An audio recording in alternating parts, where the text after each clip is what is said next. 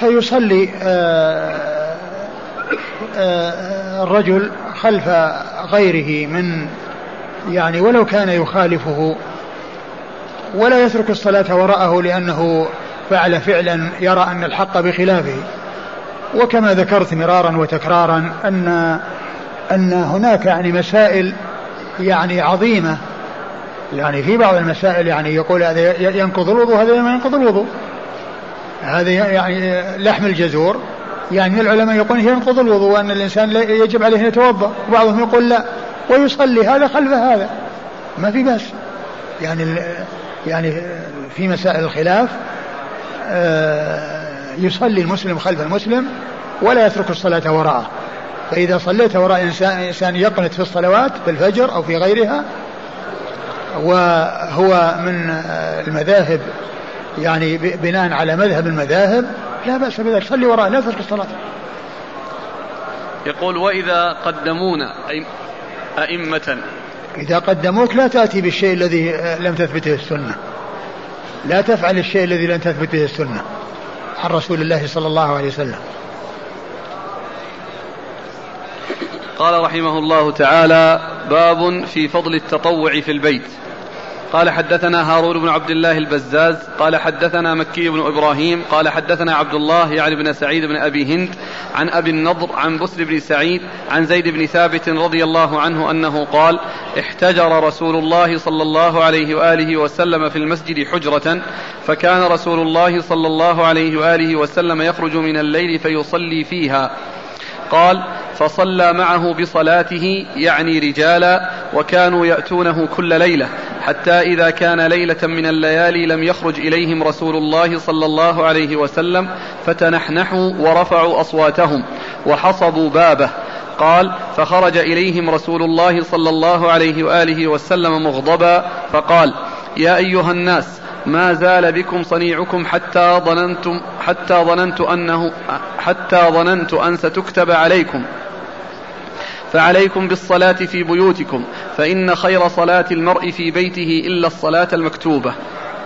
ثم ورد أبو داود رحمه الله باب فضل صلاة التطوع في البيت.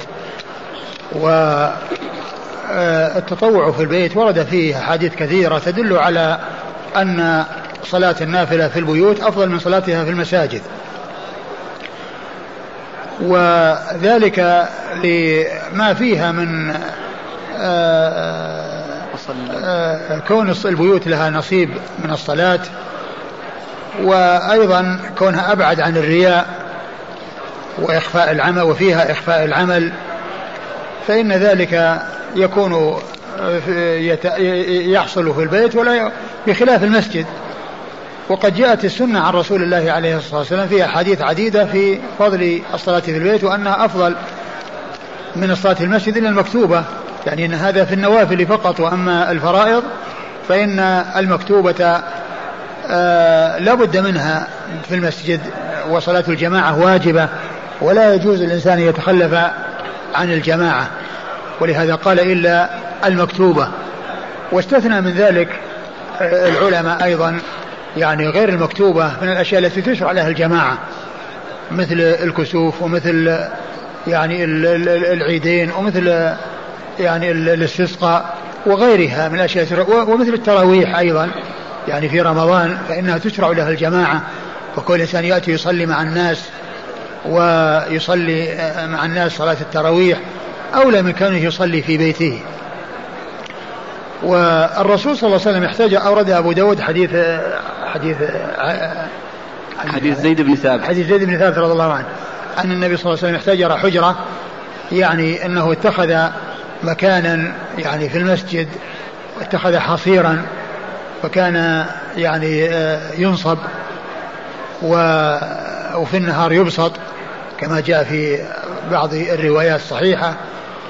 وصلى فيه فجاء الناس وصلوا بصلاته وبعد ذلك تتابعوا.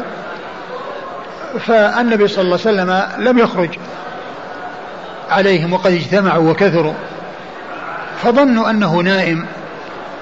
فجعلوا يتنحنحون ويرفعون أصواتهم حتى يريدون أن يسمع أن يسمعوه. وأيضا حصبوا الباب.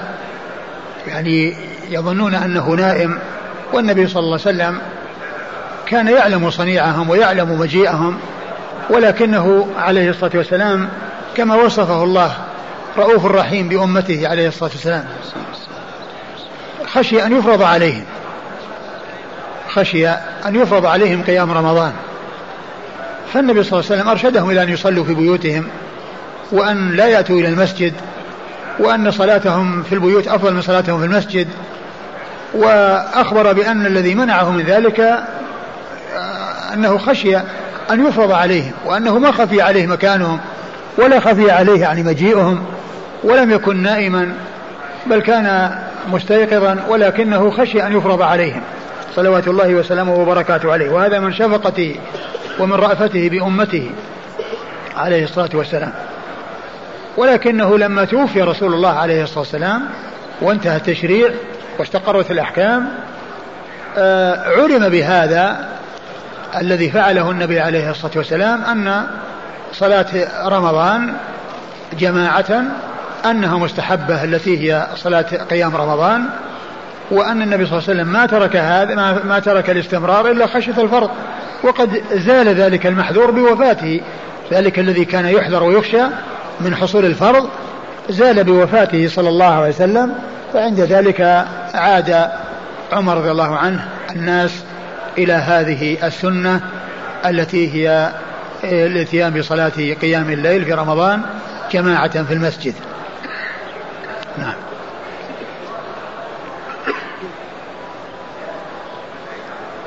إسناد قال حدثنا هارون بن عبد الله البزاز. هارون بن عبد الله البزاز الحمال وهو ثقة أخرج له مسلم وأصحاب السنن. عن مكي بن إبراهيم. عن مكي بن إبراهيم ثقة أخرج له أصحاب الكتب الستة. عن عبد الله يعني بن سعيد بن أبي هند. عن عبد الله يعني بن سعيد بن أبي هند وهو صدوق ربما وهم أخرج له أصحاب الكتب. صدوق ربما وهم أخرج له أصحاب الكتب الستة. عن أبي النضر. عن ابي النضر سالم المدني وهو ثقة أخرج له أصحاب الكتب الستة. عن بسر بن سعيد. عن بسر بن سعيد وهو ثقة أخرج له أصحاب الكتب. أصحاب الكتب الستة. عن زيد بن ثابت. عن زيد بن ثابت رضي الله عنه صاحب رسول الله صلى الله عليه وسلم وحديثه أخرجه أصحاب الكتب الستة.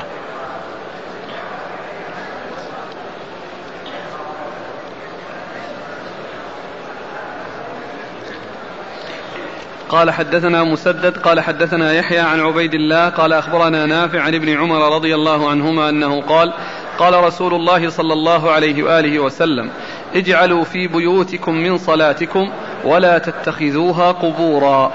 ثم ورد أبو داود حديث ابن عمر اجعلوا من صلاتكم في بيوتكم. يعني اجعلوا لها نصيبا من الصلاة. يعني حتى يحصل لها تحصل فيها هذه العبادة ويحصل فيها الخير والبركة. بسبب هذه العبادة وأيضا يعني فيه البعد عن الرياء و وأن وقال لا تج... ولا ولا تتخذوها قبورا. قبورا يعني لا تجعلوها يعني مثل المقابر ليس لا يصلى فيها يعني المقابر لا يصلى فيها ليست مكانا للصلاة. فلا تجعل البيوت كذلك يعني لا يصلى فيها بل يكون لها نصيب من الصلاة. ولهذا قو... ولهذا قال اجعلوا من صلاتكم في بيوتكم ولا تتخذوها قبورا. يعني لا تجعلوها شبيهة بالمقابر التي هي ليست أماكن للصلاة والتي منع من الصلاة فيها بل الصلاة في البيوت مطلوبة مطلوبة ومرغب فيها وهي أفضل من الصلاة في المساجد بالنسبة للنوافل. الأمر هنا الاستحباب اجعلوا. نعم هو الاستحباب نعم لا شك. قال حدثنا مسدد عن يحيى عن عبيد الله عن نافع عن ابن عمر. كل هؤلاء مر ذكرهم آه انتهى الباب. باب طول القيام. نعم. بقي دقيقتين؟ دقيقتان. والله تعالى أعلم وصلى الله وسلم وبارك على عبده ورسوله نبينا محمد وعلى آله وأصحابه أجمعين. جزاكم الله خيرا وبارك الله فيكم وأحسن الله اليكم يقول حنين ما تفسر ما نبي يسير إلا قليل. تفسر بيسير المسدد لا قام هنيهة. قام هنيهة يعني يعني معناه قليلا. بعد الركوع.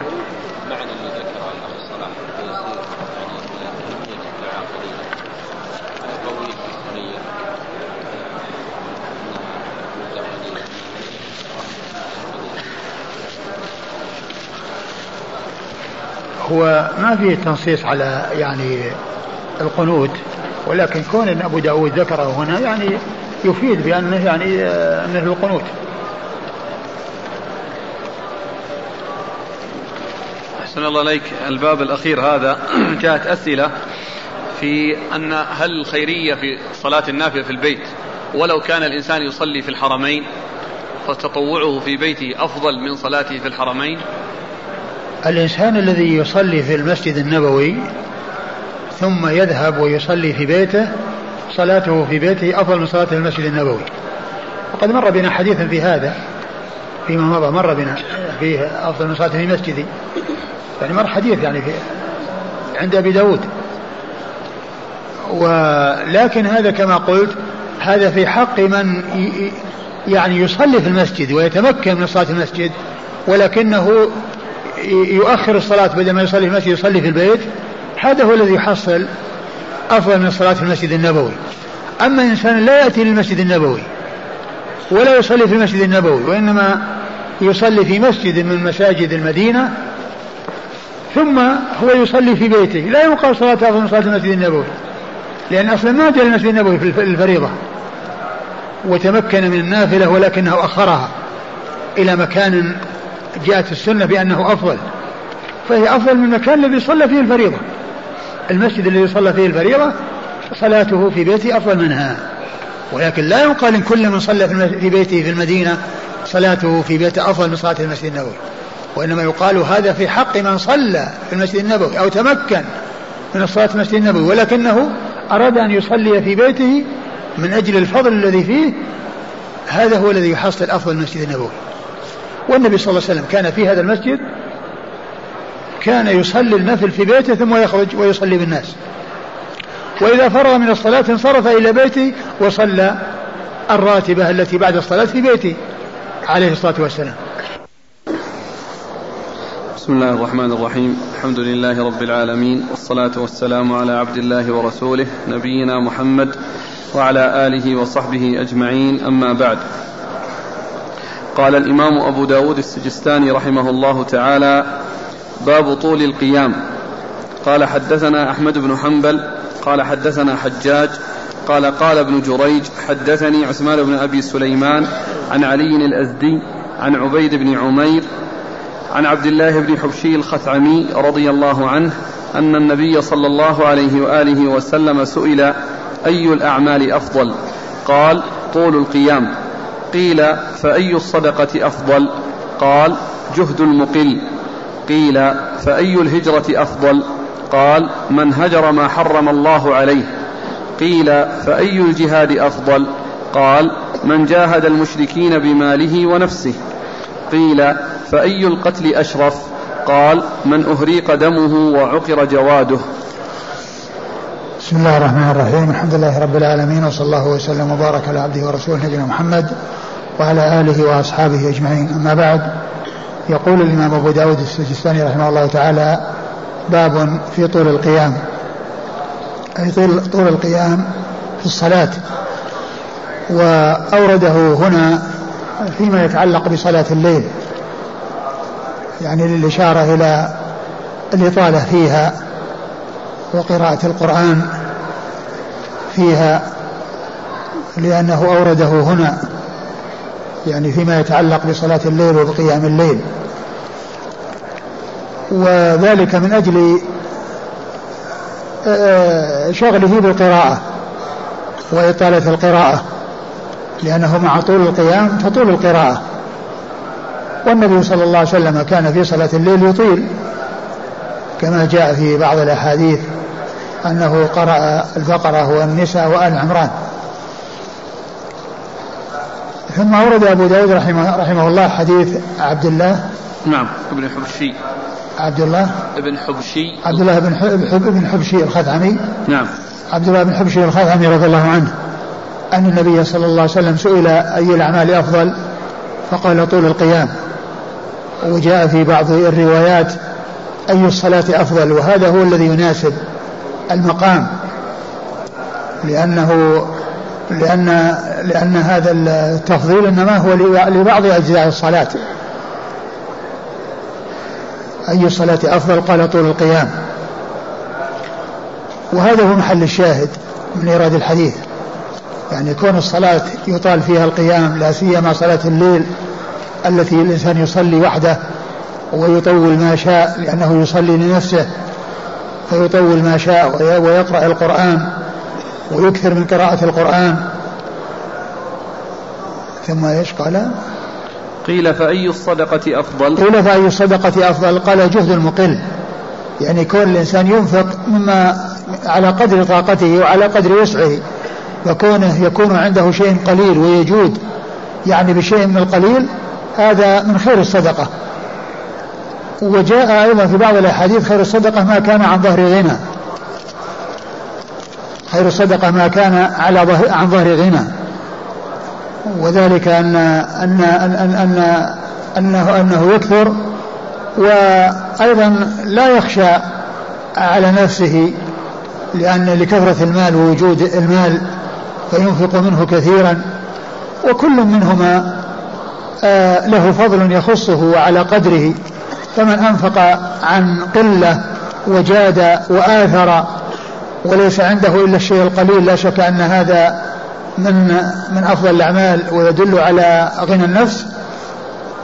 ومن كان عنده المال الكثير وأنفق وأكثر من الإنفاق فهو على خير وهو من أفضل الأعمال. نعم. وخير صدقة قيل فأي الهجرة أفضل؟ نعم. قال من هجر ما حرم الله عليه.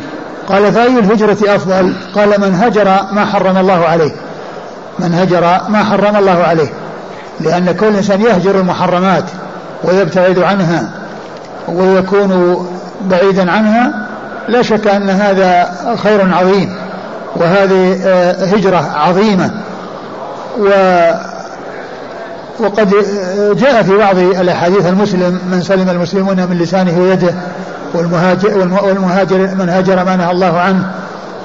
ف يعني هذا هو المهاجر حقا أو أن هذه هي الهجرة حقا لأن غيرها يتبعها.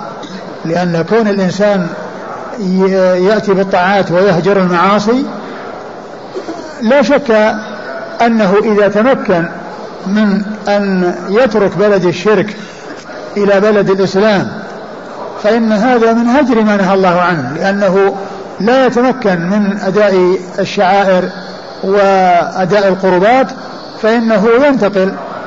ومن المعلوم أن جهاد النفس ومجاهدة النفس والهجرة التي هي ترك المعاصي غيرها تابع لها. وجهاد الأعداء إنما يكون تابعا لجهاد النفس. ومن لم يجاهد نفسه لا يجاهد الأعداء كما ينبغي. وإن وجد منه الجهاد ووجد منه النكاية بالعدو وهو لم يجاهد نفسه إلا أن الغالب أن جهاد الأعداء تابع لجهاد النفس. والذي يتمكن والذي آه، آه، آه، يقدم على الجهاد في سبيل الله عز وجل ذلك نتيجة لمجاهدة نفسه. إنما ذلك نتيجة لمجاهدة نفسه وتابع لمجاهدته نفسه. نعم. بعده. قيل فأي الجهاد أفضل؟ قال من جاهد المشركين بماله ونفسه. قيل فأي الجهاد أفضل؟ قال من جاهد المشركين بماله ونفسه. يعني بدل ماله ونفسه. بدل نفسه النفيس. في سبيل مقاتلة المشركين.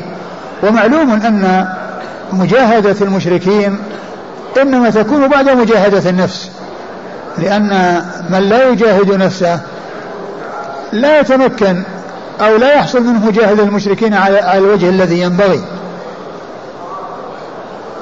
ولهذا قال عليه الصلاة والسلام لما سئل أي الجهاد الرجل يقاتل شجاعة ويقاتل حمية ويقاتل كذا أي ذلك في سبيل الله؟ قال من قاتل لتكون كلمة الله العليا فهو في سبيل الله. يعني من كان قصده إعزاز الإسلام ونصرة المسلمين وإذلال الشرك والمشركين وهذا إنما يكون بعد مجاهدة النفس. ولا يتمكن من من من من, من, من الجهاد كما ينبغي إلا بمجاهدة النفس. وقد يوجد. القتال والنكاية بالعدو من غير ذلك مثل قصة الرجل الذي قال فيه النبي صلى الله عليه وسلم إن الله يؤيد هذا الدين بالرجل الفاجر وكان قد أثنى عليه الصحابة وقالوا إنه عمل كذا وعمل كذا وأنه آه، حصل منه ما حصل في آه، النكاية بالأعداء فالنبي صلى الله, صلى الله عليه وسلم قال هو من أهل النار فتابعه أحد الصحابة لينظر يعني ما وراءه وإذا وإذا هو يصاب بأصابعه أو بيده بجرح فيجزع فيضع أصل السيف على الأرض وذبابة على صدره ويتحامل عليه فيقتل نفسه. فيأتي الرجل إلى الرسول صلى الله عليه وسلم والصحابة ويخبرهم بالذي قد حصل. فيقول النبي عليه الصلاة والسلام إن الله يؤيد هذا الدين بالرجل الفاجر. إن الله يؤيد هذا الدين بالرجل الفاجر. لكن يعني هذا على خلاف الأصل. ومن ومن النادر والقليل. ولكن الجهاد الذي آه، يكون فيه ثمرة ويكون فيه نكاية إنما يكون بعد مجاهدة النفس. إنما يكون بعد مجاهدة النفس. لأن جهاد غير النفس تابع لجهاد النفس. نعم. قيل فأي القتل أشرف؟ قال من أهريق دمه وعقر جواده. قيل فأي القتل أشرف يعني في سبيل الله. يعني جاهد في سبيل الله وقتل فأي القتل أشرف؟ قال من أهريق دمه وعقر جواده. يعني حصل له آه أن آه قتل في سبيل الله وعقر جواده آه بأن أصيب في نفسه وفي مركوبه. نعم. قال حدثنا أحمد بن حنبل. أحمد بن حنبل أحمد بن محمد بن حنبل الشيباني الإمام المشهور أحد أصحاب المذاهب الأربعة المشهورة من مذاهب أهل السنة وحديثها أخرجها أصحاب الكتب الستة. عن حجاج. عن حجاج بن محمد المصيصي الأعور وهو ثقة أخرج له أصحاب الكتب الستة. عن ابن جريج. عن ابن جريج هو عبد الملك بن عبد العزيز بن جريج المكي وهو ثقة فقيه أخرج له أصحاب الكتب الستة. عن عثمان بن أبي سليمان. عن عثمان بن أبي سليمان وهو ثقة أخرج البخاري تعليقا ومسلم وأبو داود والترمذي. وهو, وهو ثقة أخرجه في البخاري تعليقا ومسلم وأبو داود والترمذي. في الشمائل والنسائي وابن ماجه. والترمذي في الشمائل والنسائي وابن ماجه. عن علي الأزدي. عن علي الأزدي وهو علي بن عبد الله البارقي الأزدي وهو صدوق ربما أخطأ أخرج له مسلم وأصحاب وهو صدوق ربما وهم. أخطأ. صدوق ربما أخطأ أخرج له مسلم وأصحاب السنن. أخرج له مسلم وأصحاب السنن. عن عبيد بن عمير. عن عبيد بن عمير وهو ثقة أخرج له أصحاب الكتب الستة. عن عبد الله بن حبشي الخثعمي. عن عبد الله بن حبشي الخثعمي رضي الله عنه هو صحابي أخرج حديثه. أبو داود والنسائي. أخرج حديثه أبو داود والنسائي. بس أبو داود والنسائي؟ نعم. ما في غيره؟ نعم. نعم. أبو داود والنسائي؟ نعم. نعم. بالنسبة الآن للنوافل. النوافل صلاة نعم. النافلة. إطالة القراءة أفضل من إطالة السجود؟ والله كله كله يحصل الإطالة فيها. ولكن إطالة القراءة وإطالة القيام وحصول القراءة لا شك أنها يعني هذا عظيم. وإطالة السجود كذلك يطال ويكثر فيه من الدعاء. والنبي صلى الله عليه وسلم قال أقرب ما يكون العبد من ربه وهو ساجد. وقال أما السجود فأكثروا فيه من الدعاء. فقامن أن يستجاب لكم فيطول هذا ويطول هذا. لكن طول إطالة القيام أكثر من طالة السجود.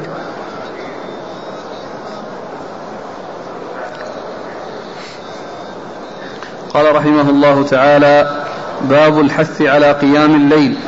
قال حدثنا محمد بن بشار قال حدثنا يحيى عن ابن عجلان قال حدثنا القعقاع بن حكيم عن أبي صالح عن أبي هريرة رضي الله عنه أنه قال قال رسول الله صلى الله عليه وعلى آله وسلم رحم الله رجلا قام من الليل فصلى وأيقظ امرأته فصلت فإن أبت نضح في وجهها الماء. رحم الله امرأة قامت من الليل فصلت وأيقظت زوجها فإن أبى نضحت في وجهه الماء. ثم ورد أبو داود رحمه الله باب في قيام الليل. الحث. باب الحث على قيام باب الحث على قيام الليل. يعني الحث عليه والترغيب فيه. والتعاون بين الزوجين على ذلك. وكذلك أيضا يعني من الزوج لمحارمه من الرجل لمحارمه يعني آه، يلحق بذلك. وهو من التعاون على البر والتقوى والتعاون على الخير والترغيب في الخير ومجاهدة النفس ومساعدة آه، بعض لبعض. أورد أبو داود حديث أبي هريرة. حديث أبي هريرة رضي الله عنه. أن النبي عليه الصلاة والسلام قال رحم الله رجلا قام من الليل فصلى وأيقظ امرأته. رحم الله رجلا قام من الليل فصلى وأيقظ امرأته فإن أبت يعني ما استجابت لإيقاظه وتكليمه لها نضح على وجهها الماء يعني حتى يطير عنه النوم وحتى يذهب عنه النوم وحتى آه تفعل هذا الشيء الذي أراده منها الذي هو الصلاة بالليل. وكذلك العكس رحم الله امرأة قامت من الليل فصلت وأيقظت زوجها فإن أبى نضحت في وجهه الماء. فمن كان منهم يعني أنشط يعني في العبادة وأسرع يعني في القيام فإنه آه، يحرص على آه، إفادة الآخر سواء الرجل أو المرأة الزوج أو الزوجة. من نشط وقام فيسعى في تنشيط وإقامة الشخص الذي لم يقم سواء الزوج أو الزوجة. وإذا ما حصل الاستجابة في الكلام وفي الإيقاظ فينضح أحدهما الماء على وجه الآخر من أجل أن يطير عنه النوم ويهب ويقوم وهذا من التعاون على البر والتقوى. نعم.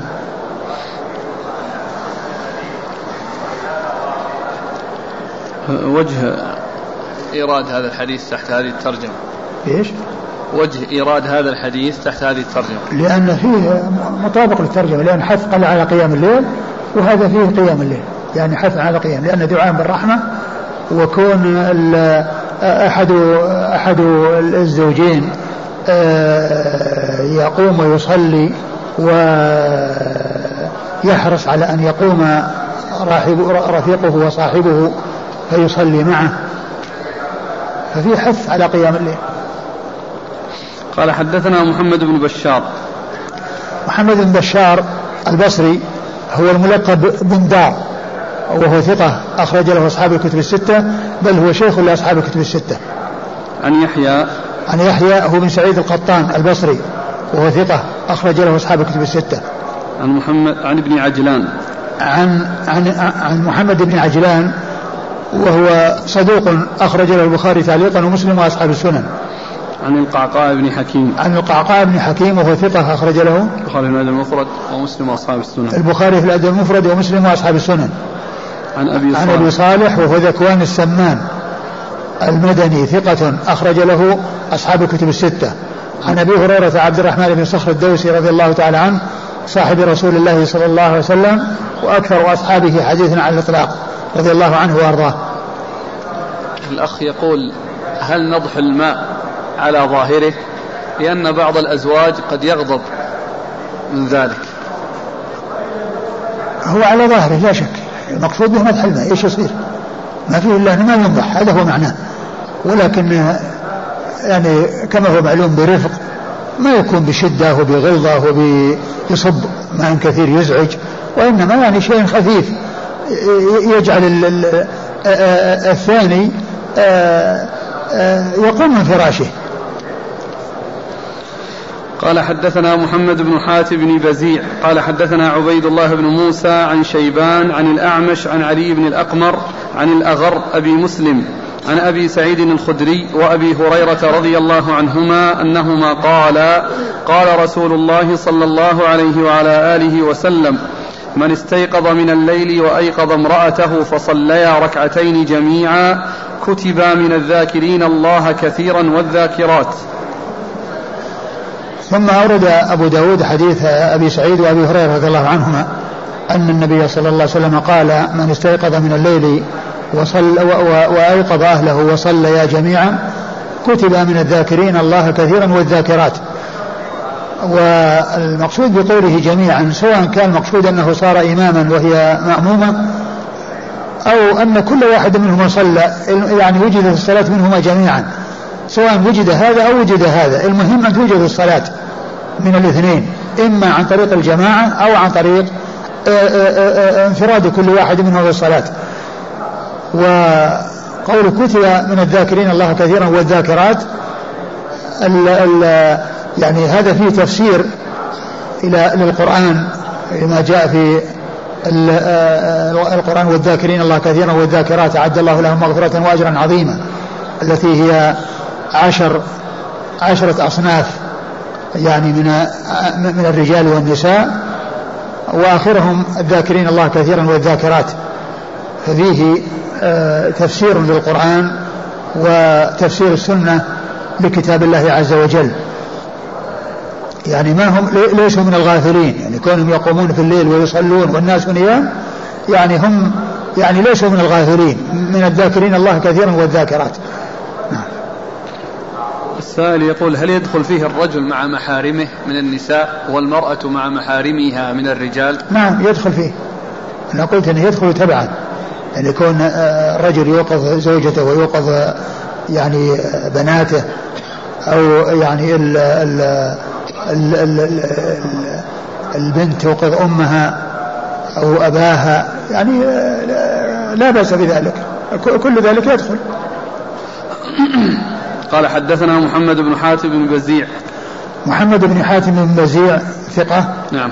أخرج له البخاري ومسلم وأبو داود النسائي البخاري ومسلم وأبو داود النسائي عن عبيد الله بن موسى. عن عبيد الله بن موسى وهو ثقة أخرج له أصحاب الكتب الستة. عن شيبان. عن شيبان بن عبد الرحمن وهو ثقة أخرج له أصحاب الكتب. أصحاب الكتب الستة. عن الأعمش. عن الأعمش سليمان بن مهران الكاهلي الكوفي ثقة أخرج له أصحاب الكتب الستة. عن علي بن الأقمر. عن علي بن الأقمر وهو ثقة أخرجه أصحاب الكتب الستة.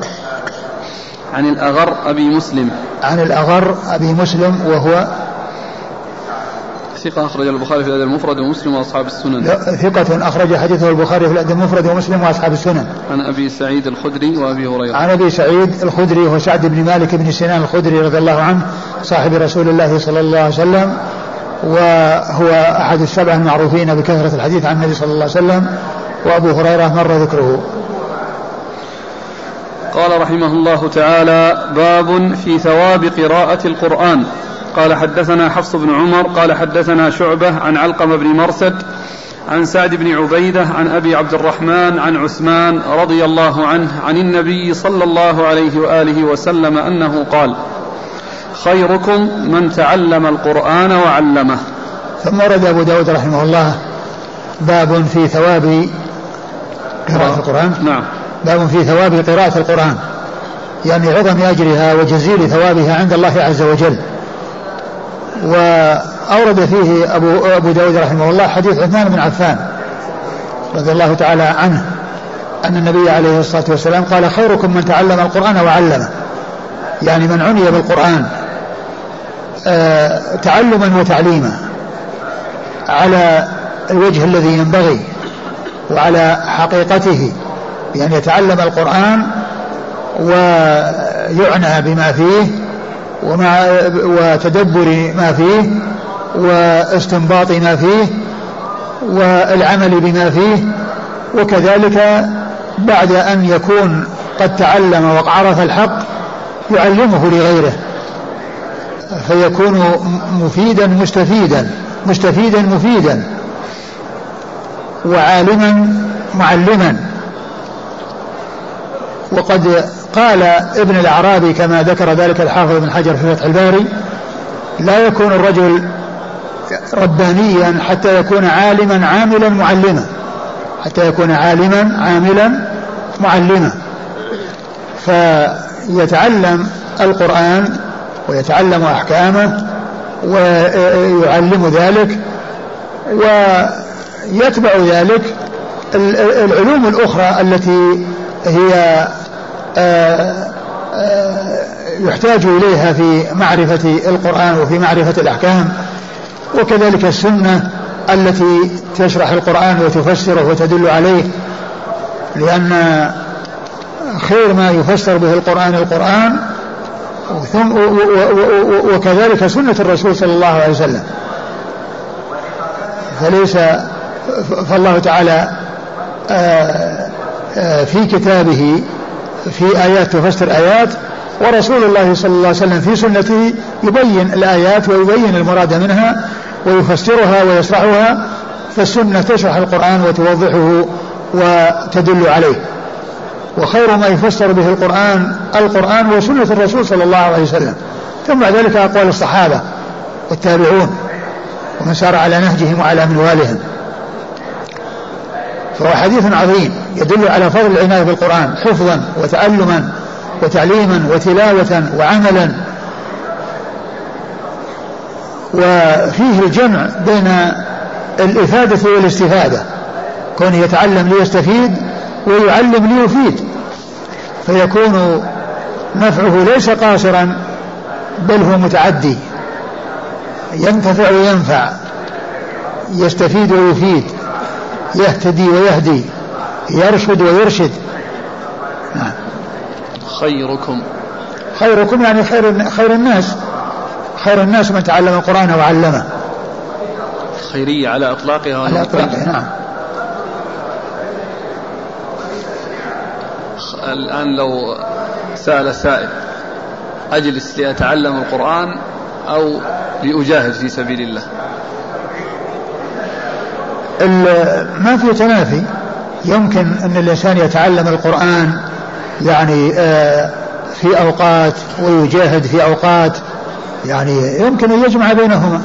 كل منهما يعني آه، عمل عظيم. ولكن آه، الجهاد وكل الأعمال إنما تعرف أو إنما يعرف الحق فيها عن طريق القرآن وعن طريق السنة. التي هي شارحة القرآن ودالة على القرآن لأن الأعمال تكون مبنية على علم والعلم إنما يكون على الكتاب والسنة. كل عمل يكون مبنيا على علم إلا الذين آمنوا وعملوا الصالحات يعني آمنوا عن علم وبصيرة وعملوا الصالحات وتواصوا بالحق وتواصوا بالصبر.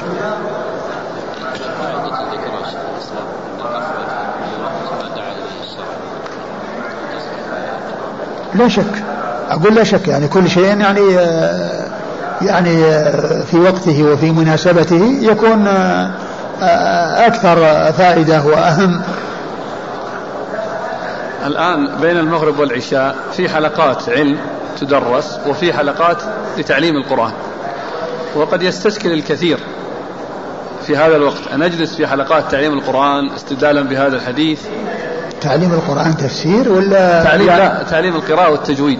هي قراءة التجويد يمكن الإنسان ما يشغل وقته فيها دائما وأبدا. يمكن يعني يتفق مع شخص عنده قدرة ويحضر عنده يعني أوقات محددة وأوقات معينة وبذلك يجمع بين هذه الفائدة وفي الفائدة الأخرى.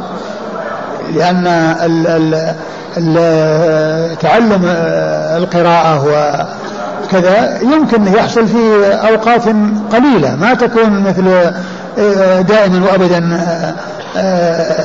حياة الإنسان في ذلك. وإنما يدرس في أوقات معينة وفي مدة معينة ويتقن القراءة ويجيدها. ولكن المداومة والملازمة هي الاشتغال بالعلم الكتاب والسنة والعلوم التي تخدمهما وتوضحها توضحهما وتبينهما لأن هذه تحتاج إلى إلى إلى إلى, إلى مداومة وإلى استمرار وإلى آه، إنفاق آه، آه، إلى الأوقات والساعات يعني في تحصيل تلك العلوم التي لا بد منها. قال حدثنا حفص بن عمر. حفص بن عمر ثقة أخرج حديثه البخاري. وأبو داود والنسائي. وأبو داود والنسائي. عن شعبة. عن شعبة بن الحجاج الواسطي ثم البصري ثقة أخرج له أصحاب الكتب الستة. عن علقمة بن مرثد. عن علقمة بن مرثد ثقة أخرج له أصحاب الكتب الستة. عن سعد بن عبيدة. عن سعد بن عبيدة ثقة أخرج له أصحاب الكتب الستة. عن أبي عبد الرحمن. عن أبي عبد الرحمن السلمي عبد الله بن حبيب وهو ثقة أخرج له أصحاب الكتب الستة. عن عثمان. عن عثمان بن عفان أمير المؤمنين وثالث الخلفاء الراشدين. الهادين المهديين ذي النورين صاحب المناقب الجمة والفضائل الكثيرة رضي الله تعالى عنه وأرضاه وحديثه عند أصحاب الكتب الستة. قال حدثنا أحمد بن عمرو بن السرح قال أخبرنا ابن وهب قال أخبرني يحيى بن أيوب عن زبان بن فائد عن سهل بن معاذ الجهني عن أبيه رضي الله عنه أن رسول الله صلى الله عليه وآله وسلم قال من قرأ القرآن وعمل بما فيه ألبس والداه تاجا يوم القيامة ضوءه أحسن من ضوء الشمس في بيوت الدنيا لو كانت فيكم. فما ظنكم بالذي عمل بهذا؟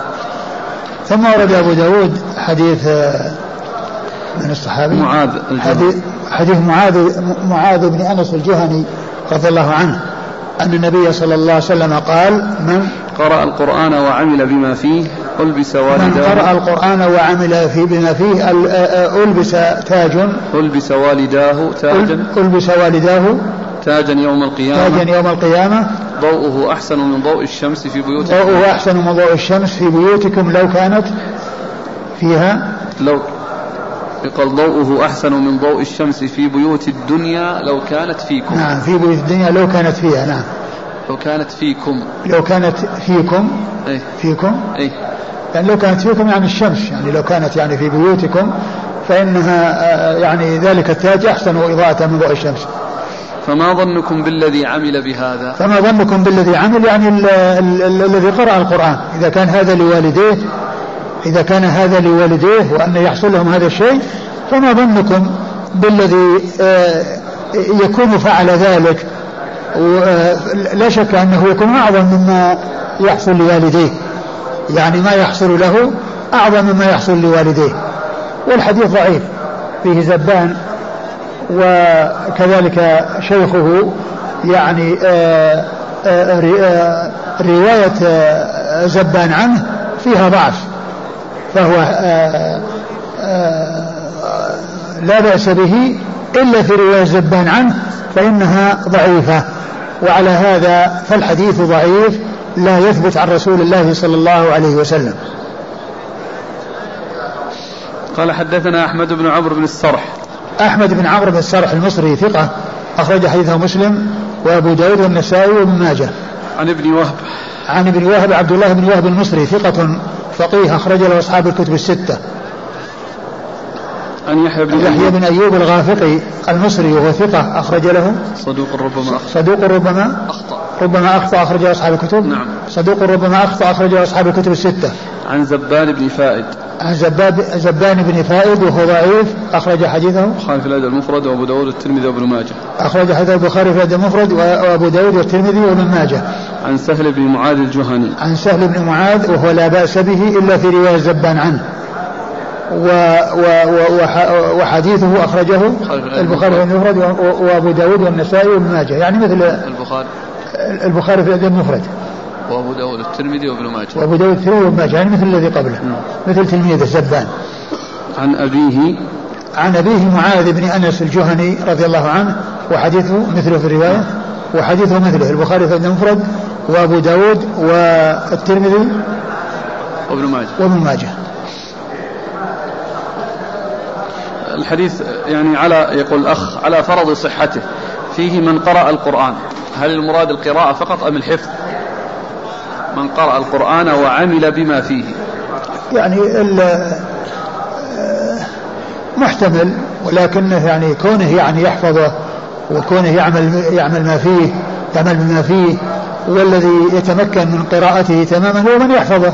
لأن من يحفظه يقرأه راكبا وماشيا ونائما ويعني وفي جميع الأحوال بخلاف الذي لا يحفظه فإنه لا يتمكن من قراءته إلا في بعض الأحوال.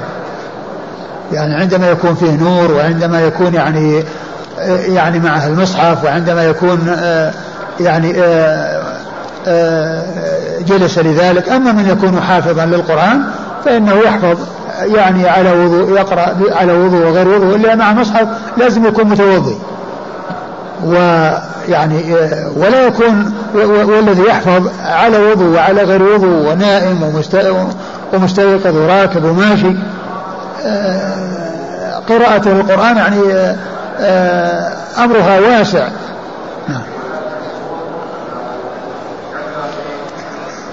قال حدثنا مسلم, مسلم بن إبراهيم قال حدثنا هشام وهمام عن قتادة عن زرارة بن أوفى عن سعد بن هشام عن عائشة رضي الله عنها عن النبي صلى الله عليه وعلى آله وسلم أنه قال الذي يقرأ القرآن وهو ماهر به مع السفرة الكرام البررة والذي يقرأه وهو يشتد عليه فله أجران. ثم ورد أبو داود حديث عائشة رضي الله عنها أن النبي صلى الله عليه وسلم قال الذي يقرأ القرآن وهو ماهر فيه مع السفرة الكرام البررة.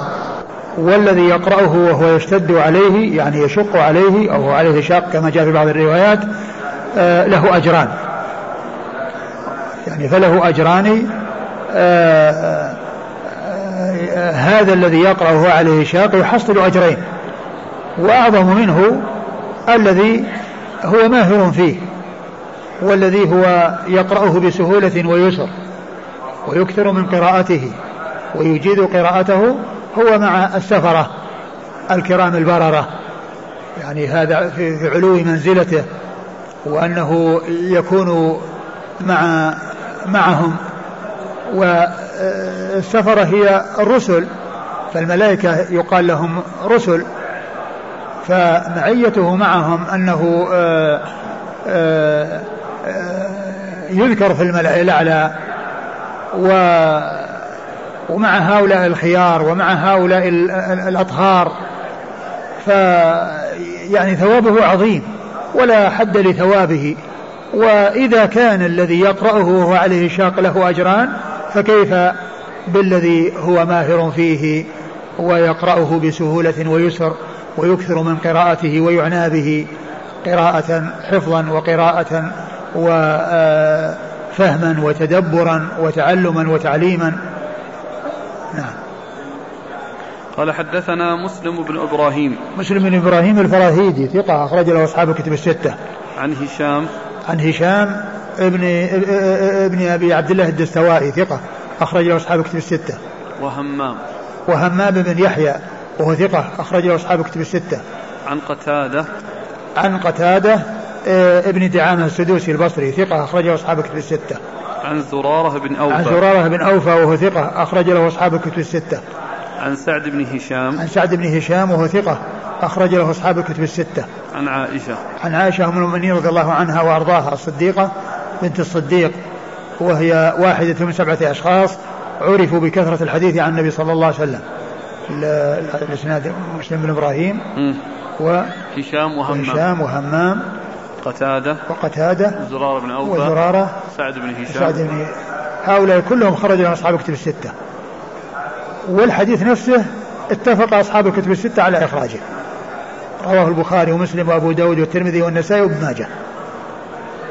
رواه أبو البخاري ومسلم وأبو داود والترمذي والنسائي وابن ماجه. أصحاب الكتب الستة اتفقوا على إخراجه. وهو مسلسل بالرواة الذين خرج لهم أصحاب الكتب الستة. الأخ يقول هل حديث عائشة هذا يدل على عدم وجوب التجويد؟ ما يدل. أقول لا يدل. يعني لأن ما في شيء يشير إلى هذا. أقول ما في شيء يشير إلى عدم وجوب التجويد لكن التجويد لا يجب. يعني آه، يدل عليه آه، الحديث حديث مسعود الذي قال أهذا كهذ الشعر لقد علمت آه، النظائر التي كان يقرأ بها رسول الله صلى الله عليه وسلم في الحديث الصحيح.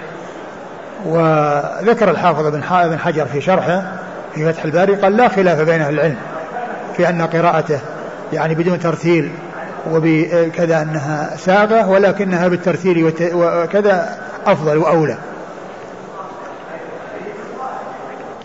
قال حدثنا عثمان بن أبي شيبة قال حدثنا أبو معاوية عن الأعمش عن أبي صالح عن أبي هريرة رضي الله عنه عن النبي صلى الله عليه وآله وسلم أنه قال ما اجتمع قوم في بيت من بيوت الله تعالى يتلون كتاب الله ويتدارسونه بينهم إلا نزلت عليهم السكينة وغشيتهم الرحمة وحفتهم الملائكة وذكرهم الله في من عنده. ثم ورد أبو داود حديث أبي هريرة رضي الله عنه أن النبي عليه الصلاة والسلام قال ما اجتمع قوم في بيت من بيوت الله يتلون كتاب الله ويتدارسونه بينهم إلا نزلت عليهم السكينة وغشيتهم الرحمة وذكرهم الله في من عنده. وهو وهذا الذي ذكره أبو داود هنا جزء من حديث أورده مسلم في صحيحه. أوله من نفس عن مسلم كربة من كرب الدنيا نفس الله عنه بها كربة كربة من كرب يوم القيامة ومن يسر على معسر يسر الله عليه في الدنيا والآخرة. ومن ستر مسلما ستره الله في الدنيا والآخرة. والله في عون العبد ما كان العبد في عون أخيه. ومن سلك طريقا يلتمسه في علما سهل الله له به طريقا إلى الجنة. وما اجتمع قوم في بيت من بيوت الله يتلون كتاب الله ويتدارسونه بينهم إلا نزلت عليهم السكينة وغشتهم الرحمة وحفتهم الملائكة وذكرهم الله في من عنده. ومن بطأ به عمله لم يسرع به نسبه. ومن بطأ به عمله لم يسرع به نسبه. والحديث رواه مسلم في صحيحه وهو من جملة الأربعين النووية التي اختارها الإمام النووي وجعلها من جملة الأربعين وهي من جوامع الكلم من, من جوامع الكلم الرسول صلى الله عليه وسلم. والحافظ بن رجب رحمة الله عليه أضاف إليها ثمانية أحاديث لأن النووي آه، أتى بإثنين وأربعين. فهي الأربعين أربعين يعني آه، تغليبا يعني ليس ليست تحديدا بل هناك اثنان زائدان على الأربعين. وابن رجب أتى بثمانية هي من جوامع الكلم منها ألحق الفرائض بأهلها ومنها يحرم من الرضاع ما يحرم من النسب وأحاديث جامعة. وشرحها بكتاب نفيس سماه جامع العلوم والحكم في شرح خمسين حديثا من جوامع الكلم. يعني كتاب من أنفس الكتب. كتاب مليء بالآثار وآثار السلف وكلام السلف يعني في معنى الحديث وما يتعلق بالحديث. فهو كتاب نفيس وكتاب عظيم. والحديث الذي أورده هنا حديث عظيم. وهو والجملة التي أوردها تتعلق بالقرآن. وما اجتمع قوم في بيت من بيوت الله. هي بيوت الله هي المساجد. قيل ويلحق بها يعني دور العلم والأماكن التي تخصص للعلم ونشر العلم. ويتلون كتاب الله يعني يقرؤون كتاب الله وسواء كانت هذه القراءة بأن يكون يعني واحد يقرأ ويعني يفسر وهو يفسر أو غيره يفسر ويصحح بعضهم لبعض ويقوم بعضهم بعضا بحيث يقرأ هذا مقدار من القرآن والباقين يسمعون ويصوب ويبين يعني ما عنده من, من ما عليه من ملاحظات. كل ذلك يدخل تحت التدارس وكذلك تأمل ما فيه ومعرفة ما فيه وتدبر ما فيه. يتلون كتاب الله ويتدارسونه بينهم إلا نزلت عليهم السكينة. نزلت عليهم السكينة وغشيتهم الرحمة وحفتهم الملائكة. لأن الملائكة تحضر مجالس العلم ومجالس الذكر. ويركب بعضهم بعضا. و وذكرهم الله في من عنده يعني الملائكة يعني في الملأ الأعلى.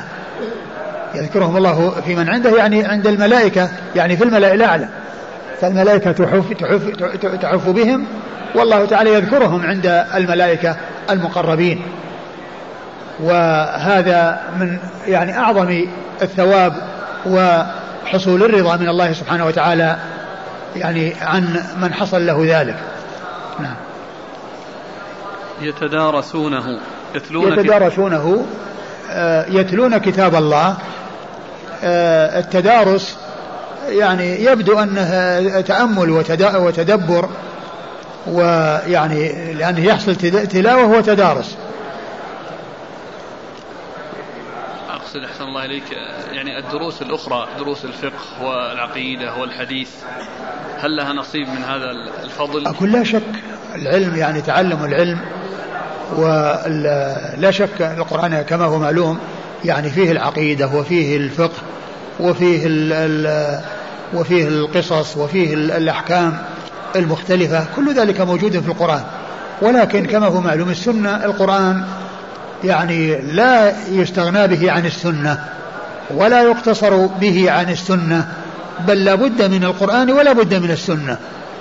ومن آه، استغنى بالقرآن عن السنة فإنه آه، آه، ترك الحق وأعرض عن الحق. ومن أنكر السنة ولم يأخذ بما فيها فإنه منكر للقرآن. لأن القرآن يقول الله تعالى فيه وما آتاكم الرسول فخذوه وما نهاكم عنه فانتهوا. ولهذا قالت المرأة لابن مسعود لما قال يعني لعن الله النامصة والمتنمصة ما لي لا ألعن من لعنه آه، الله وهو في كتاب الله. فقالت إني قرأت المصحف ما وجدت فيه يعني لعن الله النامصة والمتنمصة. فقال إن كنت قرأتيه فقد وجدتيه. قال الله تعالى وما آتاكم الرسول فخذوه وما نهاكم عنه فانتهوا. ثم أيضا كيف آه، يتعبد الإنسان يعني بالقرآن دون السنة والسنة هي اللي بينت القرآن, بينت القرآن؟ كيف الناس إيش مقدار الزكاة؟ وما هو النصاب في الزكاة؟ لا يوجد في القرآن. القرآن جاء فيه ذكر الزكاة إجمالا ولكن تفاصيلها وبيان مقاديرها وأنواعها ومقدار الزكاة في كل نوع هذا جاء بيانه في السنة. فالذي لا يأخذ بالسنة كيف يزكي؟ كيف يؤدي الزكاة؟ بل كيف يصلي؟ ليس في القرآن أن الصلاة الظهر أربع ركعات والفجر ركعتين والعشاء أربعة كيف يتعبد؟ يعني يأخذ بالقرآن ولا يأخذ بالسنة. ولهذا من ينكر القرآن ينكر السنة. من ينكر السنة منكر القرآن. من يكون من أنكر السنة فقد أنكر القرآن وكذب بالقرآن. ومن كذب بالسنة كذب القرآن وهما متلازمان. لا ينفك أحدهما عن الآخر. نعم. قال حدثنا عثمان بن أبي شيبة. عثمان بن أبي شيبة ثقة أخرج له أصحاب الكتب الستة إلا الترمذي. عن أبي معاوية. عن أبي معاوية محمد بن خازم الضرير الكوفي ثقة أخرج له أصحاب الكتب الستة. عن الأعمش عن أبي صالح عن أبي هريرة. عن الأعمش عن أبي صالح عن أبي هريرة وقد مر ذكرهم. أحسن الله إليك. هذه ثلاث أسئلة في أن هذا الحديث يستدل به أهل البدع على قراءة القرآن جماعيا آه، قراءة القرآن يعني على صوت واحد وباجتماع منهم على القراءة هذا ما فيه تدبر. ما يكون فيه تدبر وإنما فيه متابعة الآخرين حتى لا يسبقهم ولا يتأخر عنهم. يعني كل واحد يعني لاحظ أنه يكون يعني يعني آه، مع هذا مثل ما يفعل في بعض البلاد. يعني يجتمعون ثم يقرؤون بصوت واحد يعني آه، آه، هكذا يهدونه هذا يعني بصوت واحد. يعني هذا لا يعني لا يدخل تحت يعني هذا الحديث وما جاء فيه يعني ما في تدارس أي تدارس فيه بهذه الطريقة؟ عبارة يتلون لعلهم هذه لا. استدلالهم. لا لا. كلمة يتلون يعني لا يعني ذلك أنهم يتلون بصوت واحد وأنه آه يعني آه أنه يكون يعني آه بصوت واحد. لا, لا يدل على ذلك. نعم تدرسونه وتبين تعليم الصغار تعليم الصغار ما في بس. كل إنسان يعلم يعلمهم ويلقي عليهم. يعني وهم يقولون مثله إذا لم يمكن أنه يعني يتمكن أنه يأتي بكل واحد على حدة لأن قد لا يتيسر أنه يعني كثيرا أو دائما أنه يعني يفعل مع كل واحد بصفة دائمة. وإن كان كل واحد يدرس على حدة من أجل أنه يعرف إجادته وتمكنه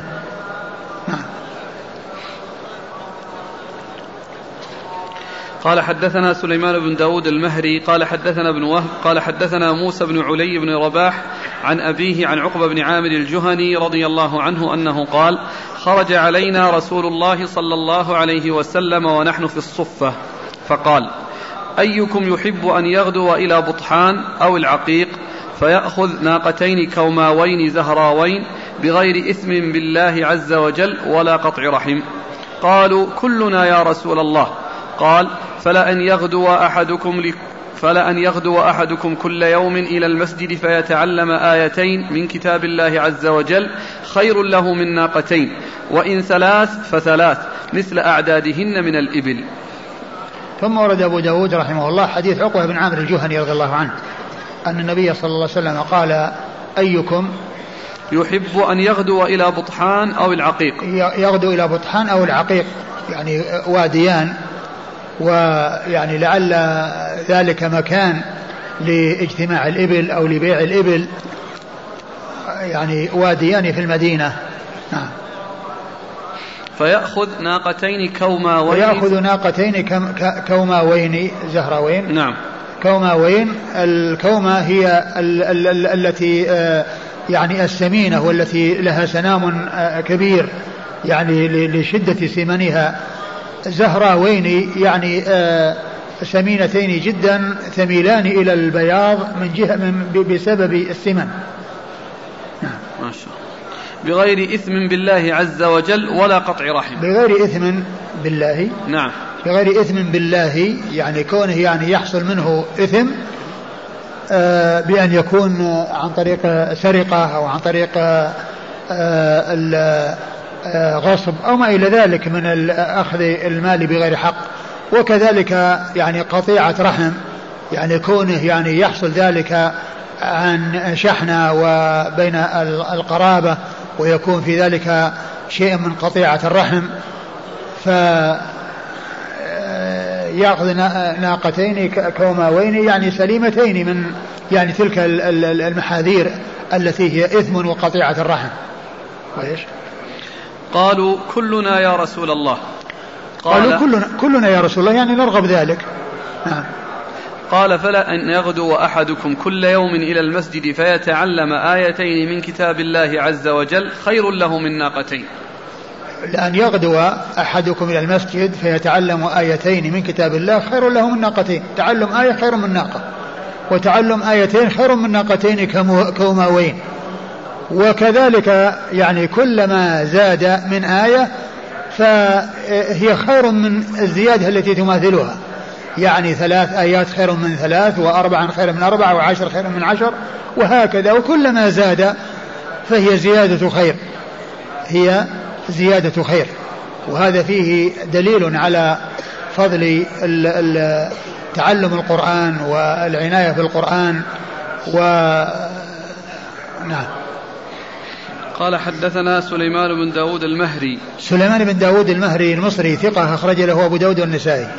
عن ابن وهب عن موسى بن علي بن رباح. عن موسى عن ابن وهب مر ذكره موسى بن علي بن رباح وهو صدوق ربما أخطأ أخرجه البخاري في الأدب المفرد ومسلم وأصحاب السنن. صدوق ربما أخطأ ربما أخطأ أخرجه البخاري في الأدب المفرد ومسلم وأصحاب السنن. عن أبيه. عن أبيه علي بن رباح. هو علي ويقال له علي. وهو ثقة أخرج له. البخاري في المفرد ومسلم وأصحاب السنن البخاري في الأدب المفرد ومسلم وأصحاب السنن. يعني كل منهما خرج له البخاري في الأدب المفرد ومسلم وأصحاب السنن إلا أن الأول صدوق ربما أخطأ اللي هو الابن والأب ثقة. عن عقبة بن عامر الجهني. عن عقبة بن عامر الجهني رضي الله عنه صاحب رسول الله صلى الله عليه وسلم وحديثه أخرجه أصحاب الكتب الستة. قال عقبة ونحن في الصفة. قال ونحن في الصفة والصفة مكان في المسجد آه، يجتمع فيه ال- ال- الفقراء والذين لا مأوى لهم ولا مسكن ويقال لهم أضياف الإسلام. وكان النبي صلى الله عليه وسلم يعطف عليهم ويحسن إليهم. نعم. موجودة إلى الآن؟ الصفة موجودة؟ لأن المشتهر عند العوام أن هذه الدكة لا التي خلف لا القبر. ابدا. هذا ما ما في شيء أقول ما في شيء يدل عليه. والآن يعني يعني ال يعني هذا المكان الذي هو الذي يقال له الدكة يعني يعمد إليه ناس يخطئون على أنفسهم ويجنون على أنفسهم بمخالفة النبي صلى الله عليه وسلم في قوله لا تصلوا إلى القبور ولا تجلسوا عليها.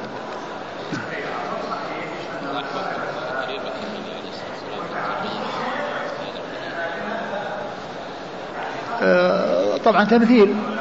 لأنه يعني شيء نفيس عند الناس وكونه عليه الصلاة والسلام يمهد للشيء الذي يريد أن يقوله بضرب مثال أو بكلام يجعل يجعل ال- السامع يتشوق إليه ويتهيأ لمعرفة ما يترتب عليه وما يأتي بعده هذه طريقة النبي صلى الله عليه وسلم. يعني ال- يعني مثل مثل كونه يعني يقول في الحديث آخر حديث صحيح البخاري كلمتان حبيبتان إلى الرحمن خفيفتان على اللسان ثقيلتان في الميزان. يعني هذا يجعل السامع يتهيأ لمعرفة الكلمتين. هنا سائل يقول أنا لست من أهل المدينة فأرجو أن توضحوا لنا مكان بطحان والعقيق. العقيق هو هذا الوادي الذي في غرب المدينة والذي هو دون الجامعة الإسلامية والذي هو بلا شك من الحرم وما وراءه محتمل وأما الوادي فهو من الحرم بلا شك. هذا الذي في غرب المدينة هو على بجوار الجامعة الإسلامية الآن. وأما بطحان فهو واد كان في في وسط في وسط المدينة ويعني وغرب المسجد النبوي قريبا منه. والآن عدل يعني السيل يعني وضع سد فصار السيل لا يأتي يعني من ذلك الطريق الذي هو الوادي اللي قال وادي بطحان. يقول الأخ لماذا سميت الصفة بهذا الاسم؟ لا أدري. هل يقاس على تعلم آيتين؟ تعلم الحديث من حيث الأجر من حيث الأجر. الله أعلم لكن لا شك أن تعلم تعلم حديث الرسول صلى الله عليه وسلم وتعليمه لا شك أن في خير كثير.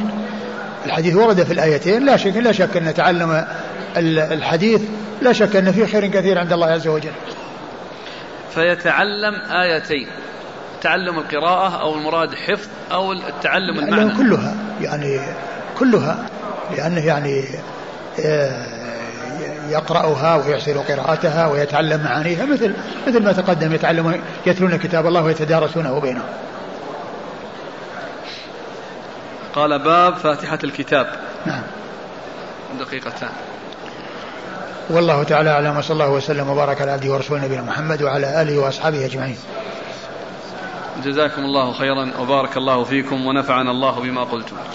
آه لا زلنا مع يسير أو قبل يسير. هذه الأحاديث التي قرأنا في فضل القرآن إنها تشجعنا أن نطرح اقتراح على فضيلتكم. أيوه. وهو أن تخصصوا لنا يوما واحدا أو إن شئت بعد العشاء لنتدارس ولو آية من كتاب الله حتى نحصل على هذا الفضل العظيم فنجمع بين الكتاب والسنة. أطال الله في عمرك على الطاعة. والله قضية توزيع الأيام على دروس أخرى لا تمكننا من أن نمشي كثيرا في هذه الكتب التي نحن بحاجة إلى الاطلاع عليها وإلى إكمالها وهي الكتب الستة التي بدأنا بها. والإنسان يمكن أن يحصل آه، ذلك بمتابعته لبعض الدروس التي تكون في الإذاعة وتكون أيضا مشتملة على الأشرطة وأيضا يعني آه، مكتوبة أو منقولة منها إلى إلى كتب يمكن الإنسان يطلع عليها. فمثل درس الشيخ ابن عثيمين حفظه الله الذي في الإذاعة من أحكام القرآن درس عظيم. وفوائده عظيمة وفوائده جمة وهو يأتي في الأسبوع مرتين في الساعة السادسة والنصف من يوم السبت ويوم الثلاثاء. فإذا تابع الإنسان يعني ذلك فإنه يكون بذلك حصل خيرا كثيرا. ثم أيضا قد طبع ال ال ال ال ما يتعلق بالجزء الأول من القرآن في مجلد. ما يتعلق بالجزء القرآن في مجلد وهو الآن يعني في الإذاعة في أول سورة آل عمران. يعني معناه أنه آه، يعني انتصف بالجزء الثالث. ففي مثل هذا الإنسان إذا رتب هذا الترتيب يكون بذلك حصل تعلم تدريس القرآن وتعلم القرآن في يومين في الأسبوع. يعني الساعة السادسة ونصف من صباح السبت. والسادسة ونصف من صباح الثلاثاء وبذلك يحصل الفائدة الفائدة في القرآن ونحن نبقى على ما كنا عليه فيما يتعلق بالحديث حتى نتمكن من أن نمشي في هذه الكتب. جزاك الله خير الرسول يقول المسجد نعم. أقول الرسول قيد يقول جزاك الله خير على هذه الاشاره والله على كل على كل آه، أنتم الآن في خير يعني سواء كان في حديث أو في تفسير وأنتم تريدون الجامع بين الحديث والتفسير وبذلك يمكن أن تجمعوا. جزاكم الله. قال الإمام أبو داود السجستاني رحمه الله تعالى باب فاتحة الكتاب. قال حدثنا أحمد بن أبي شعيب الحراني قال حدثنا عيسى بن يونس قال حدثنا ابن أبي ذئب عن المقبري عن أبي هريرة رضي الله عنه أنه قال قال رسول الله صلى الله عليه وآله وسلم الحمد لله رب العالمين أم القرآن وأم الكتاب والسبع المثاني. بسم الله الرحمن الرحيم الحمد لله رب العالمين وصلى الله وسلم وبارك على عبده ورسوله نبينا محمد وعلى آله وأصحابه أجمعين. أما بعد يقول الإمام أبو داود السجستاني رحمه الله تعالى باب فاتحة الكتاب. أي ما جاء في فضلها وبيان عظم شأنها وعظيم منزلتها. وقد أورد أبو داود حديث أبي هريرة رضي الله عنه أن النبي عليه الصلاة والسلام قال الحمد لله رب العالمين السبع المثاني أم هي أم الكتاب وأم القرآن والسبع المثاني. فهذا الحديث يدل على عظم شأن الفاتحة وأنها يقال لها أم القرآن ويقال لها أم فاتحة فاتحة الكتاب. أم القرآن وأم الكتاب. أم القرآن وأم الكتاب. أم القرآن وأم الكتاب والسبع المثاني. والسبع المثاني آه قيل إن المقصود بها كونها تثنى في القراءة وتكرر قراءتها في الصلوات لأنها في كل ركعة من ركعات الصلاة تجب قراءتها. فقيل لها السبع المثاني. وهي سبع باعتبار أنها سبع آيات. والآية وإحدى الآيات هي البسملة على أحد الأقوال على أنها جزء من سورة الفاتحة وعلى قول الأقوال الأخرى التي منها أنها آية ولكنها ليست من الفاتحة ولا من غيرها تكون آه، السبع في الآية الأخيرة تكون آه، آه، تجعل آيتين. صراط الذين أنعمت عليهم آية وغير مغضوب عليهم ولا الضالين آية. ويدل على هذا القول الحديث الذي سبق أن مر الحديث القدسي الذي يقول الله عز وجل قسمت الصلاة بين بيني وبين عبدي نصفين. فإذا قال الحمد لله رب العالمين آه قال حمدني عبدي وإذا قال الرحمن الرحيم قال أثنى علي عبدي وإذا قال مالك يوم الدين قال أثنى علي عبدي. فإذا قال إياك نعبد وإياك نستعين مجدني عبدي. وإذا قال إياك إياك نعبد وإياك نستعين قال هذه بيني وبين عبدي ولعبدي ما سأل. يعني إياك نعبد هي لله وإياك نستعين هي للمخلوق. وعلى هذا تكون الآية الوسطى هي إياك نعبد وإياك نستعين. فيكون بعدها ثلاث آيات وقبلها ثلاث آيات. وعلى أن البسملة هي الآية الأولى تكون الآية الوسطى هي مالك يوم الدين. الآية الوسطى التي تتوسط السبع الوسطى من السبع هي مالك يوم الدين. فهي يقال لها, يقال لها السبع المثاني لأنها تثنى في القراءة وتعاد في القراءة وتكرر في القراءة. نعم. وسيأتي أن السبع المثاني أيضا تطلق على السبع السور الطول التي هي البقرة وما وراءها. نعم. قال حدثنا أحمد بن أبي شعيب. أحمد أحمد بن أبي شعيب أحمد. بن أبي شعيب أحمد بن أبي شعيب الحراني وهو ثقة أخرج له. البخاري وأبو داود والترمذي البخاري وأبو داود. والترمذي والنسائي. البخاري وأبو داود والترمذي والنسائي. عن عيسى بن يونس. عن عيسى بن يونس بن أبي إسحاق السبيعي ثقة أخرج له أصحاب الكتب الستة. عن ابن أبي ذئب. عن ابن أبي ذئب وهو محمد بن عبد الرحمن بن المغيرة. ابن أبي ذئب وهو ثقة أخرج له أصحاب الكتب الستة. عن المقبوري. المقبري وهو سعيد المقبري أو سعيد بن أبي سعيد المقبري كل كل من هو يقال له المقبري وهو ثقة أخرج له أصحاب كتب الستة. عن أبي هريرة. عن أبي هريرة عبد الرحمن بن صخر الدوسي رضي الله عنه صاحب رسول الله صلى الله عليه وسلم وهو أكثر الصحابة حديثا على الإطلاق رضي الله عنه وأرضاه.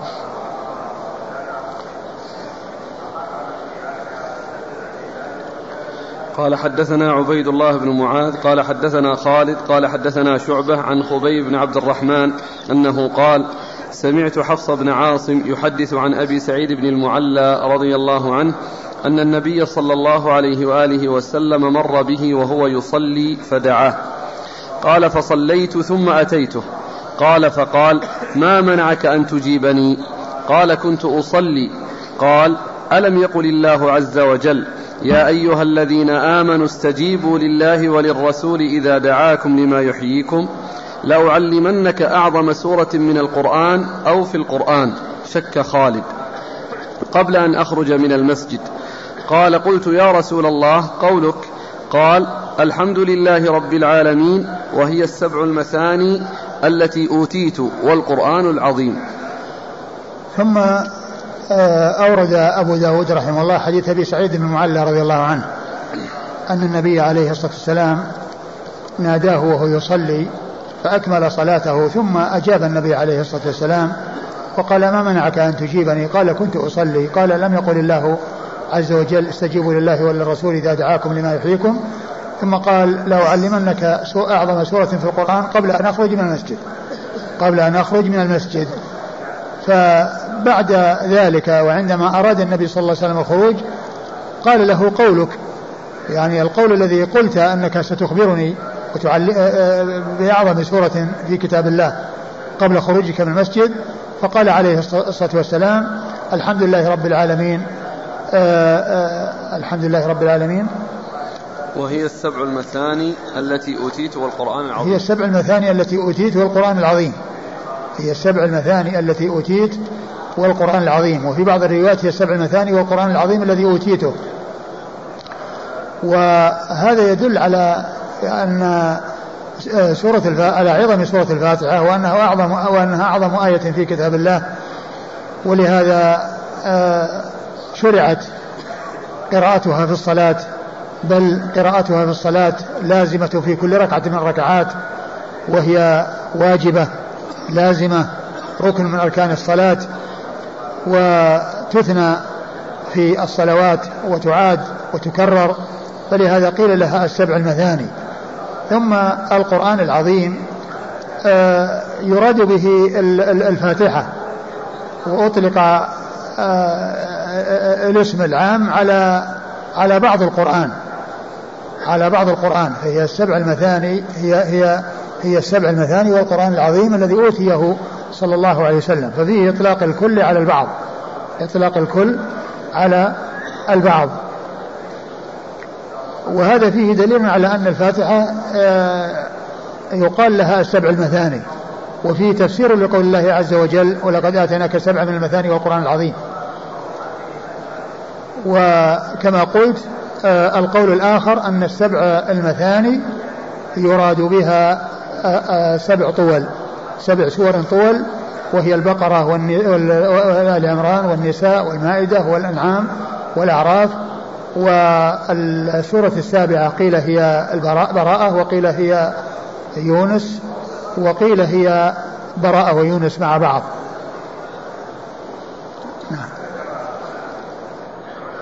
قال حدثنا عبيد الله بن معاذ حدثنا عبيد الله بن معاذ ابن معاذ العنبري وهو ثقة أخرج حديث البخاري وأبو داود البخاري ومسلم وأبو داود والنسائي البخاري ومسلم وأبو داود والنسائي عن خالد عن خالد بن الحارث وهو ثقة أخرج له أصحاب الكتب الستة. عن شعبة. عن شعبة بن الحجاج الواسطي ثم البصري ثقة أخرج له أصحاب الكتب الستة. عن خبيب بن عبد الرحمن. عن خبيب بن عبد الرحمن وهو ثقة. نعم أخرج له أصحاب الكتب. أخرج له أصحاب الكتب الستة. عن حفص بن عاصم. عن حفص بن عاصم وهو ثقة أخرج له أصحاب الكتب الستة. عن أبي سعيد بن المعلى. عن أبي سعيد بن المعلى رضي الله عنه وهو صحابي أخرج حديثه البخاري وأبو داود والنسائي بن ماجه والنسائي بن ماجه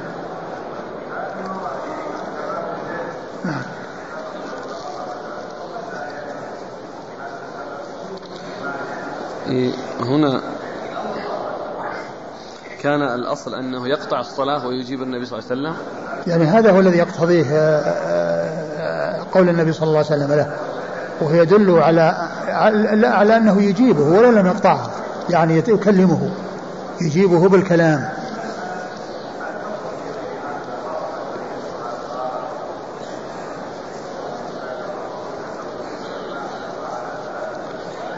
يقول السائل ألا يدل هذا الحديث على جواز قطع النافلة بسبب حصول ما هو واجب أو أوجب منها مثل من ناداه والده أو والدته؟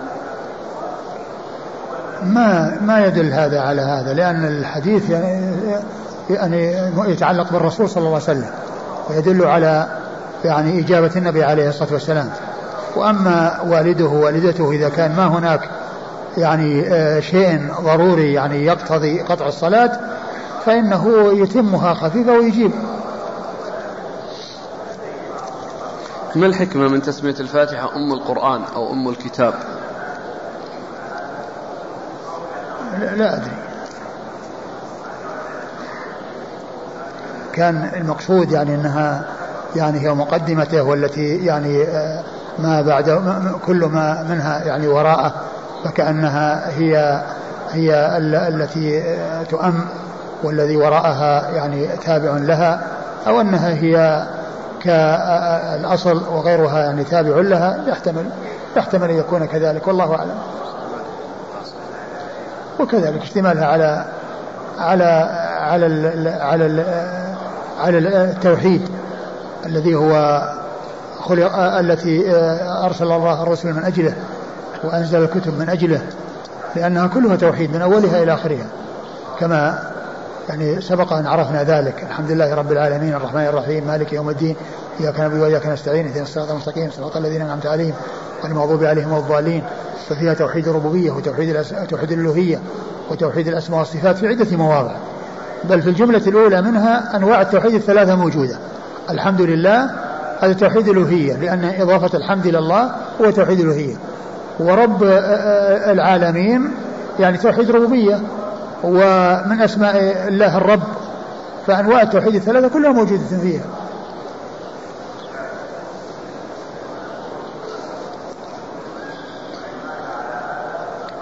قال رحمه الله تعالى باب من قال هي من الطول.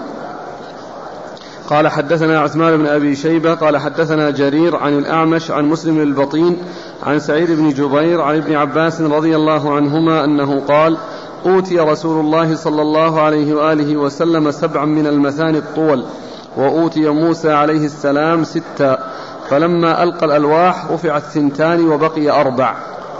ثم أورد أبو داود حديث من؟ ابن عباس. حديث عبد الله بن عباس رضي الله عنهما. أن النبي أولا الترجمة يقول أبو داود رحمه الله باب من قال هي من الطول. هي من الطول. كلمة هي يحتمل أن يكون يرجع إلى الفاتحة ولكن هذا يعني يشكل لأنها ليست من الطول لأن الطول هي البقرة والنساء وآل عمران والنساء وغير هذه الطول. والفاتحة من السور القصيرة وليست من الطول. ويحتمل أن يكون المراد بذلك هي أي السبع المثاني التي جاءت في الأحاديث السابقة. وهذا هو الذي يناسب.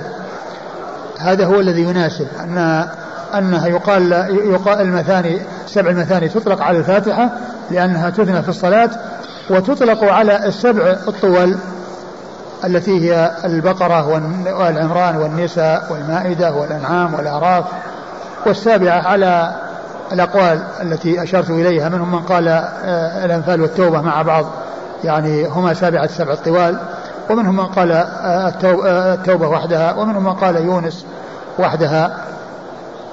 فالمناسب أن يكون الضمير راجع إلى السبع المثاني التي جاءت في الأحاديث السابقة وأنها كما جاء فسرت بأن سبع المثاني يراد بها الفاتحة فأيضا يراد بها السبع الطول.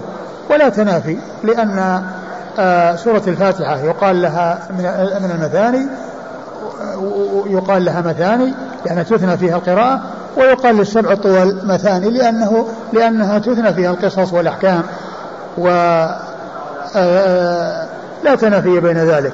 كل من القولين حق وله وجه. كل من القولين حق وله وجه ولا تنافي بينهما. وقد قال ابن كثير رحمه الله تعالى في تفسيره عند قوله ولقد آتيناك سبعا من المثاني إن هذا مثل إطلاق المسجد أول مسجد أسس على التقوى على مسجد قباء وعلى مسجد الرسول صلى الله عليه وسلم. لأن الآية نزلت في مسجد قباء ولما سئل الرسول عن المسجد الذي أسس على التقوى قال هذا المسجد الذي هو فيه. وكل منهما أسس على التقوى من أول يوم. كل منهما أسس على التقوى من أول يوم. فمسجد قباء يقال له أنه أسس على التقوى من أول يوم وكذلك مسجد الرسول صلى الله عليه وسلم يقال له ذلك. وكذلك الفاتحة يقال لها سبع المثاني لأنها سبع آيات تثنى في الصلاة ويقال أيضا للسبع الطوال إنها السبع المثاني التي تثنى فيها القصص وتعاد فيها القصص والأحكام. فالترجمة كلمة هي يحتمل أن تكون راجع الفاتحة ولكن هذا لا يعني مشكل ولا يستقيم. ويحتمل أن تكون راجعة للسبع الطول للسبع المثاني. وأنها يراد بها أن السبع المثاني تطلق أيضا على السبع الطول كما أنها تطلق على الفاتحة. هذا هو الأقرب والله تعالى أعلم. ثم أورد أبو داود حديث حديث ابن عباس أن النبي عليه الصلاة والسلام قال قال ابن عباس قال أوتي رسول الله قال أوتي رسول الله صلى الله عليه وسلم سبعا من المثاني الطول. سبعا من المثاني الطول. فهنا ذكر الطول. وهذا يدل على أن المقصود بها سورا طول والطول جمع طولا. كالكبر جمع كبرى. الكبر جمع كبرى والطول جمع طولا. يعني سور طول سورة طولا. يعني بالنسبة لغيرها يعني طولا بالنسبة لغيرها التي هي يعني أقصر منها وأقل منها. وأوتي موسى ستا فلما ألقى الألواح رفع منها اثنتان. رفع منها اثنتان. يعني مما أنزل في التوراة يعني رفع منها اثنتان.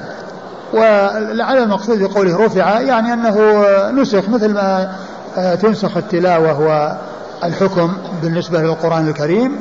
يعني أن تلك التي رفعت أنها يعني بمعنى النسخ وأنها رفعت ونسخت. نعم.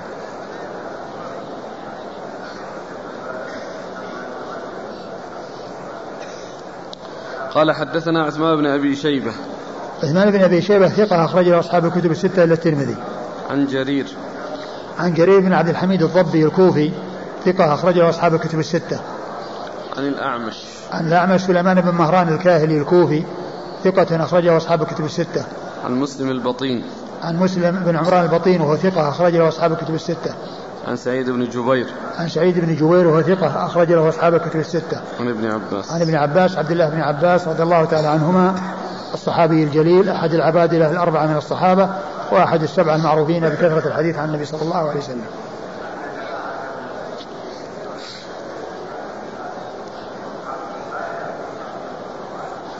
قال رحمه الله تعالى باب ما جاء في آية الكرسي.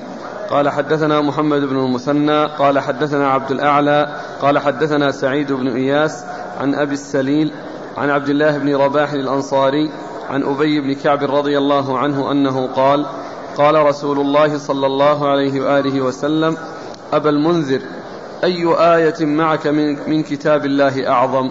قال قلت الله ورسوله أعلم. قال أبا المنذر أي آية معك من كتاب الله أعظم؟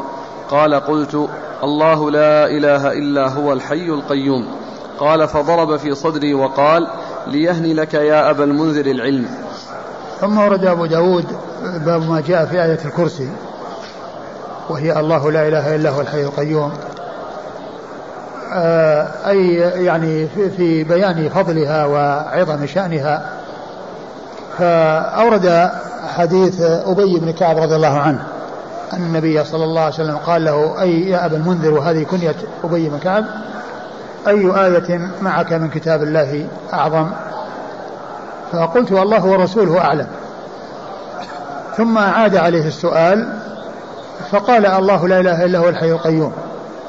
فعند ذلك قال له النبي صلى الله عليه وسلم ليهني, ليهني لك أبا المنذر العلم.